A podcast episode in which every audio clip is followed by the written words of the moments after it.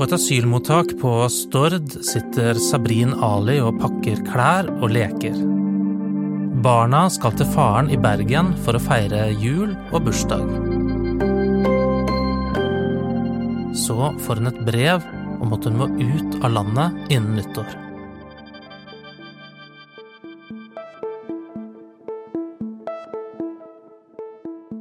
Det har gått noen uker siden eh, Sabrin Mohammed Ali fikk brevet fra Utlendingsnemnda. Tiden etterpå har vært full av vonde tanker. Men hun har også fått mye støtte.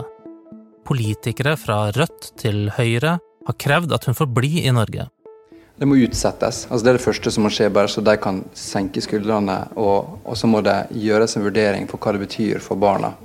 Det er ikke første gang familier blir splittet på denne måten, og der barns beste ikke blir hensyntatt. Vi kan ikke gå inn i enkeltsaker. Det er utlendingsmyndighetene, UDI og UNE, som er satt til å forvalte det regelverket som Stortinget har. At fem år gamle Bilal og to år gamle Moaz kan bli skilt fra moren, vekker følelser i mange. I romjulen var det over 100 demonstranter som møtte opp på Torgallmenningen til en støttemarkering og på Stord var det også en demonstrasjon.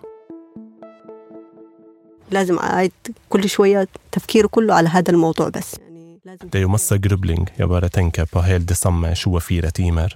Det er jo helt annerledes enn tre uker siden. Jeg bare tenkte og gledet meg til, eh, til juleferie med å feire bursdag til min barn, men plutselig Han som oversetter mellom arabisk og norsk, er Osama Shahin. Han er journalist i Bergens Tidende og har skrevet flere artikler om denne saken. Osama og jeg møter Sabrin i mediebyen i Bergen.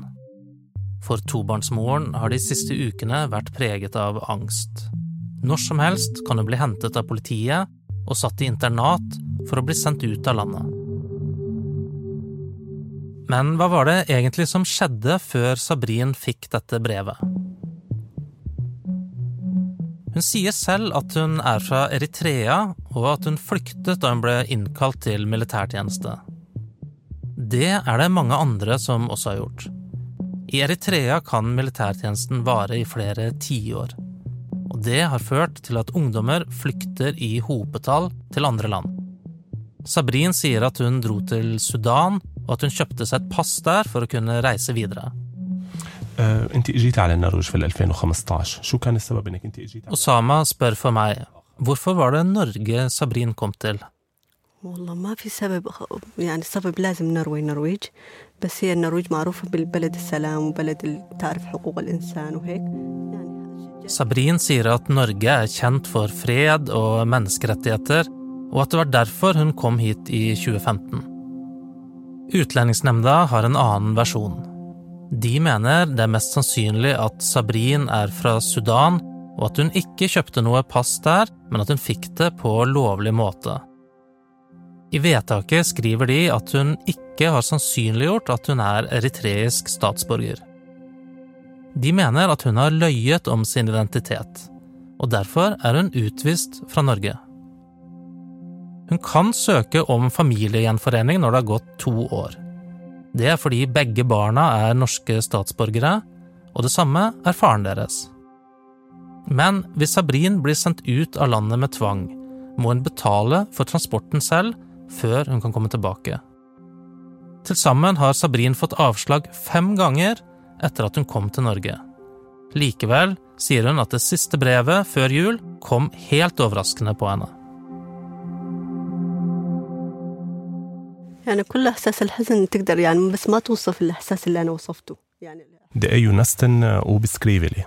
Um, jeg kan si at jeg er trist, men det er jo, jeg kan ikke finne noe ord som kan beskrive det som jeg følte på den tid.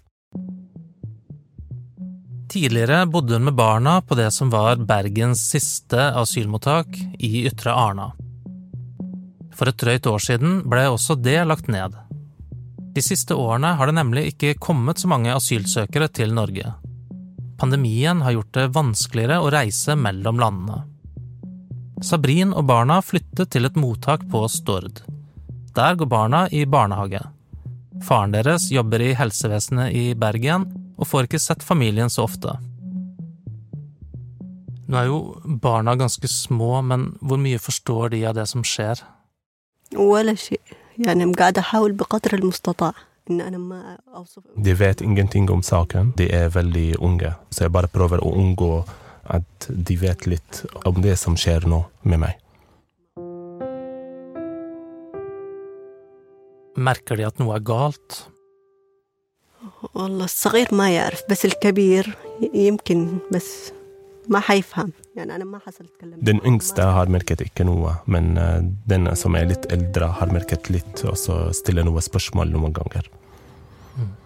Kan du si noe om hva han spør om, den eldste?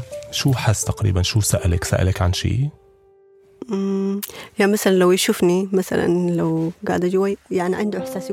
når han ser eksempel at jeg sitter alene, han merket at jeg er trist i det siste, så han bare kommer til meg og så inviterer meg til å sitte ved stua, eksempel, eller kommer og gir meg en klem.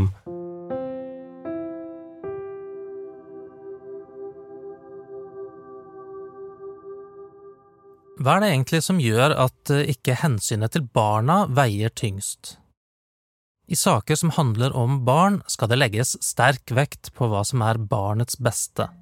Det står i Grunnloven.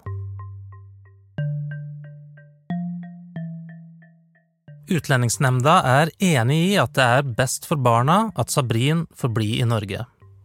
Men de mener én ting er enda viktigere, og det er noe de kaller for innvandringsregulerende hensyn. De er redde for at de kan få veldig mange lignende søknader hvis Sabrin får opphold. De mener faren kan ta hånd om barna, eller at Sabrin kan ta dem med seg.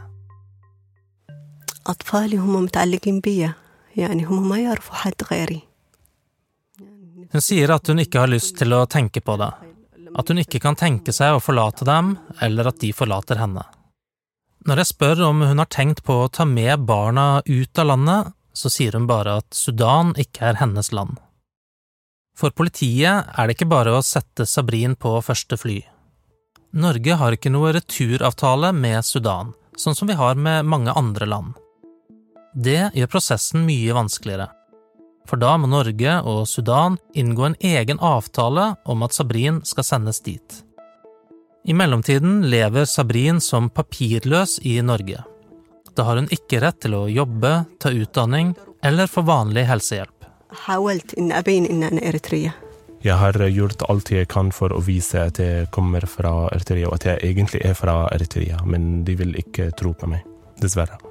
Hva er det som gjør at du har valgt å bli, selv om du har fått alle disse avslagene gjennom årene?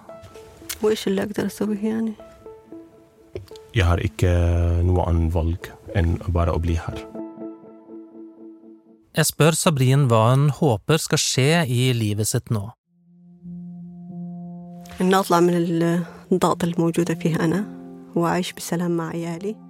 Hun sier at hun drømmer om et vanlig liv med sine to barn. At jeg har ikke noe press på å vise hvor jeg kommer fra og så at eh, de tror på meg at jeg kommer egentlig fra Eritrea og ikke fra Sudan. En av de få politikerne som har sagt at eh, Sabrin bør sendes ut, er Erlend Wiborg, stortingsrepresentant for Frp. Han har sagt til BT at det vil skape en farlig presedens hvis alle med barn skal få opphold, selv om det ikke er grunnlag for det. Ellers er det nesten tverrpolitisk enighet om at tobarnsmoren bør få bli. Bystyrerepresentant Marte Leirvåg fra Høyre har sagt at saken oppleves som umenneskelig. Og Dag Inge Ulstein, som er nestleder i KrF, sier han skammet seg da han leste om den.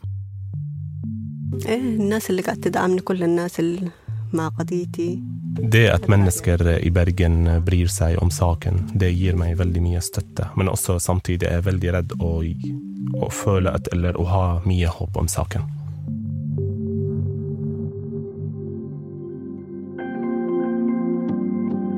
Du har hørt på Hva skjedde?, som er en podkast fra Bergens Tidende.